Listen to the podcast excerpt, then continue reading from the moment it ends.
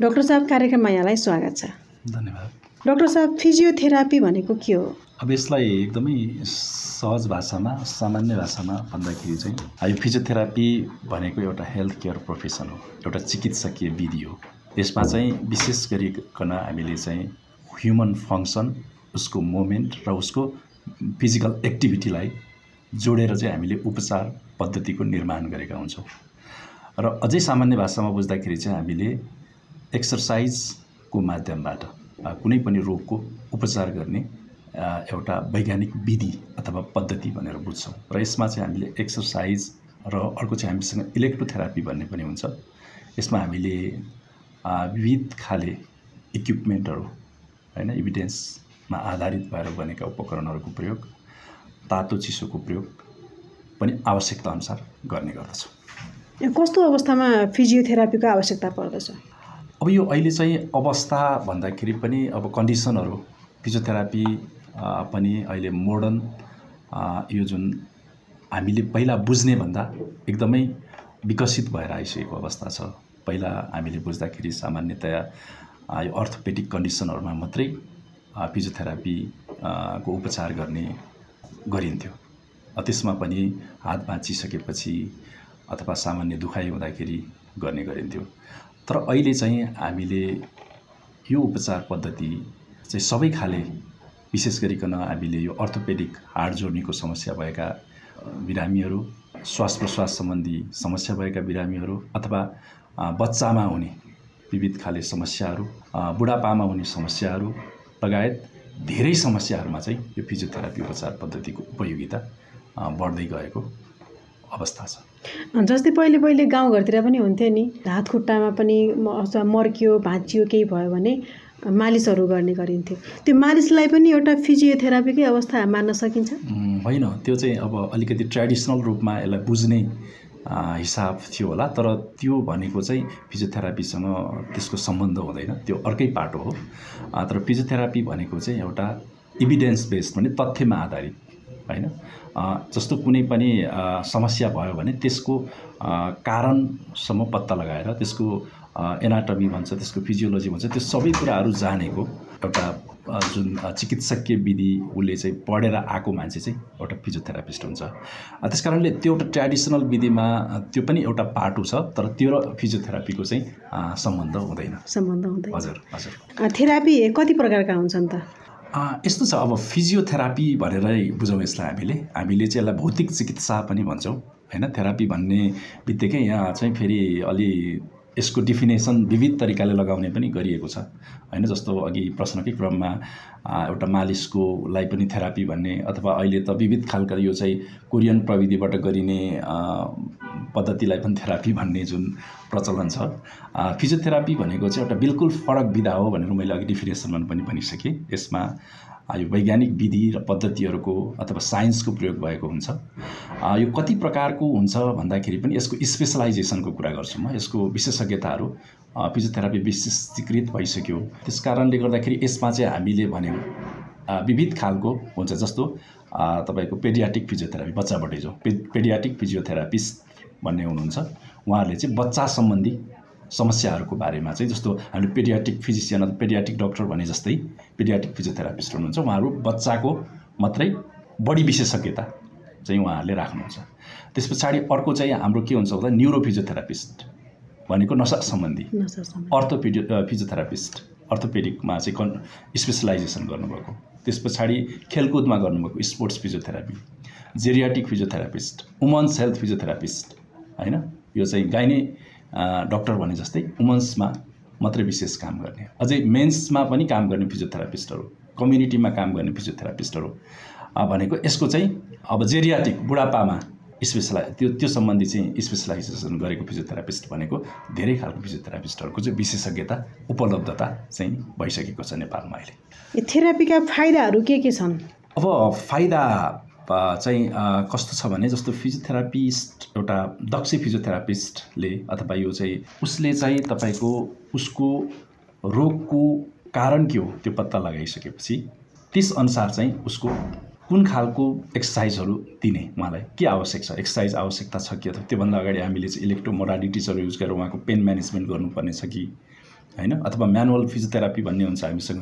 त्यसको युज गर्नुपर्ने हो कि? त्यसलाई हेरेर चाहिँ उसको दुखाइलाई अथवा उसको चाहिँ कम गर्नु नै हाम्रो मुख्य उद्देश्य हो। त्यस पछाडि उसको बडीको फङ्सनहरू कस्तो अवस्थामा छ? मुभमेन्टहरू कस्तो अवस्थामा छ? उसको पोस्चरहरू कस्तो अवस्थामा छ? उसको बायोमेकानिक्स एज अ होल भन्दाखेरि उसको बायोमेकानिक्सको अवस्था के छ? त्यसलाई एनालाइसिस गरेर त्यसलाई एसेसमेन्ट गरेर चाहिँ हामीले त्यो एउटा चाहिँ जुन पीडामा भएको रोगको पीडामा भएको जो कन्ज्युमरहरू अथवा बिरामीहरू हुनुहुन्छ उहाँहरूलाई चाहिँ हामीले रोगबाट बाट चाहिँ दुखाइ मुक्त गराउँदै उसका अरू चाहिँ एक्सर्साइजको माध्यमबाट उसलाई चाहिँ पुनस्थापित अथवा पहिलाकै अवस्थामा पुर्याउनको निम्ति चाहिँ हामीले विशेष गरिकन रोल खेल्छौँ। पछिल्लो समय फिजियोथेरापीप्रति आकर्षण निकै बढ्दो छ। हजुर। के छ अहिलेको अवस्था? यो आकर्षण किन बढिरहेको छ त्यही स्वाभाविक रूपमा तपाईँले भनेको कुरा सत्य हो। किनभने अहिले चाहिँ यसको अवेरनेस पनि बढ्यो। र यसमा काम गर्ने जनशक्ति पनि दक्ष भयो। त्यस कारणले गर्दाखेरि चाहिँ स्वाभाविक रूपमा बिरामीहरूले यसको फाइदा देख्न थाल्नुभयो। होइन बिना औषधिको प्रयोग कम गरेर पनि हामीले आफ्नै चाहिँ हाम्रो बडीको फङ्सन मोमेन्टहरू भयो लाई बढाएर अथवा बडी फङ्सनलाई चाहिँ करेक्सन गरेर अथवा मसल्सहरूलाई स्ट्रेन्थ गरेर अथवा जोर्नीहरूलाई मोबिलाइज गरेर अथवा हातको प्रयोगबाट नै उपचार गरेर चाहिँ हामीले धेरै खालका रोगहरूलाई चाहिँ कम गर्न सक्छौँ। अथवा यो चाहिँ रोग लागेको छ भने त्यसलाई कम गर्न सक्ने भयो। रोग नलागेको अवस्था जुन प्रिभेन्सनको अवस्था छ भने त्यसलाई चाहिँ हामीले एजुकेट गरेर यो यो काम गरेन भने चाहिँ यो रोगबाट बच्न सकिन्छ। यस्तो खालको बायोमेकानिक्स प्रयोग गऱ्यो भने यसरी बस्यो भने चाहिँ हामीले यो रोग लागबाट बच्न सकिन्छ भन्ने कुरा चाहिँ यो फिजियोथेरापी उपचार पद्धतिबाट प्राप्त गरेको हुनाले यो जनविश्वास बढ्दो छ र यसले चाहिँ फाइदा गरेको छ भन्ने हाम्रो विश्वास हो। यो आफै घरमा गर्न सकिन्छ या सकिन्छ स्वाभाविक रूपमा घरमा पनि गर्न सकिन्छ होइन? हामी चाहिँ तपाईँलाई हामीसँग यसको हामीले अहिले पनि भन्यौँ हामीले जुन आजको हाम्रो बसाइमा पनि हामीले कुरा गरिरहेको के हो भने जो बिरामी छ बिरामीले कहिलेसम्म आउन सक्छ र उसलाई कति आउनुपर्छ त्यो जस्तो फिजियोथेरापी केन्द्र उपचार केन्द्रमा अथवा हस्पिटलमा त्यो एउटा अवधि हुन्छ। त्यो अवधि स- आइसकिसकेपछि चाहिँ हामी फिजियोथेरापिस्टहरूले उहाँलाई प्रोपर एक्सर्साइज अथवा उसको केयरटेकर जो चाहिँ उसको उसँग आउनुहुन्छ सहयोगी बनेर उहाँलाई चाहिँ हामीले प्रोपर रूपमा सिकाउँछौँ। सिकाइसकेपछि उहाँले घरमै पनि गर्न सक्नुहुन्छ। नेपालमा कहिलेदेखि सुरु भयो त्यो थेरापीको थेरापी गर्ने प्रचलन? फिजियोथेरापी नै भनौँ अझै यसलाई थेरापी भन्दा पनि मैले बारम्बार अझैलाई अ, भने। अब यसमा चाहिँ कस्तो छ भने नेपालमा चाहिँ नाइन्टिन एट्टिजबाट सुरु भएको छ होइन? फर्मल रूपमा पहिला चाहिँ कस्तो प्रचलन थियो भने यहाँको नर्सेसहरू अथवा मेडिकल प्रोफेसनलहरूलाई चाहिँ सर्टेन ट्रेनिङ दिएर गर्ने जुन चाहिँ हाम्रो नाइन्टिन एट्टिजबाट सुरु भयो। र नाइन्टिन एट्टी थ्रीदेखि नब्बेसम्म चाहिँ हाम्रो नेपालमा यो टिचिङ हस्पिटलमा टियुको चाहिँ कोर्समा तिन वर्षे कोर्स सुरु भयो र त्यहाँ चाहिँ केही मेन पावरहरू उपलब्ध चाहिँ त्यहाँबाट चाहिँ उपलब्ध हुन थाल्यो नेपालमा।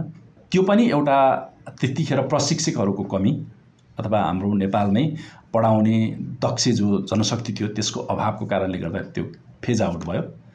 र त्यसपछि दुई हजार तिनदेखि दुई हजार दससम्म फेरि काठमाडौँ युनिभर्सिटीले यो तिन वर्ष डिप्लोमा कोर्स भनेर सुरु गर्यो।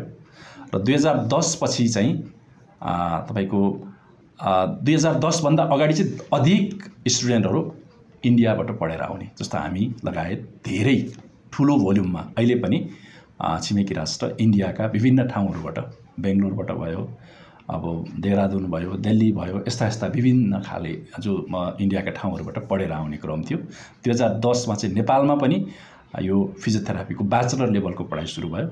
र त्यस पछाडि अठार उन्नाइसबाट फेरि पोखरामा सुरु भयो। पोखरा युनिभर्सिटीले सुरु गर्यो र अहिले बाइस तेइसबाट चाहिँ धेरै कलेजहरू नेपालमा छ सातवटा कलेजहरू यो ब्याचलर लेभलको र केही कलेजहरू चाहिँ सर्टिफिकेट लेभलको सिटिबिटी लेभलको कलेजहरू पनि सुरु भएको छ। फर्मल्ली भन्दाखेरि चाहिँ त्यो चालिस पैँतालिस पचास वर्षको इतिहास चाहिँ नेपालमा फिजियोथेरापीहरूले काम गरेको छ। भनेपछि अहिले नेपालमै जनशक्ति उत्पादन हुन थालेको छ। छ। नेपालमा जनशक्ति उत्पादन हुन थालेको छ र नेपालमा चाहिँ अहिले अब ब्याचलर लेभलको भर्खर मात्रै भने मैले अब सुरु भइसकेको छ।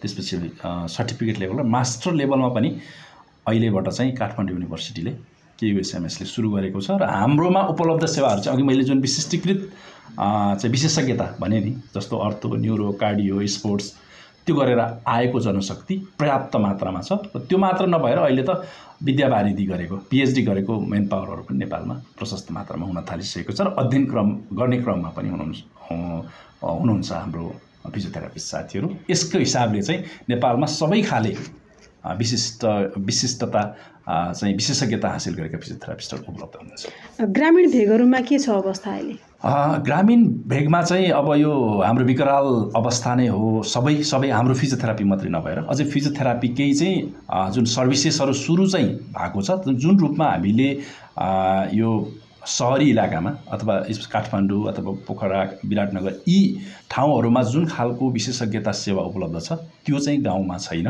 गाउँमा चाहिँ एकदम न्यून मात्रामा अब सुरु हुन जाने क्रममा छ। तर अहिलेसम्म चाहिँ गाउँको अवस्था चाहिँ यो सर्भिसेस पाउने एकदमै न्यून मात्रै अवस्था छ। अन्तमा यहाँको सुझाव के छ?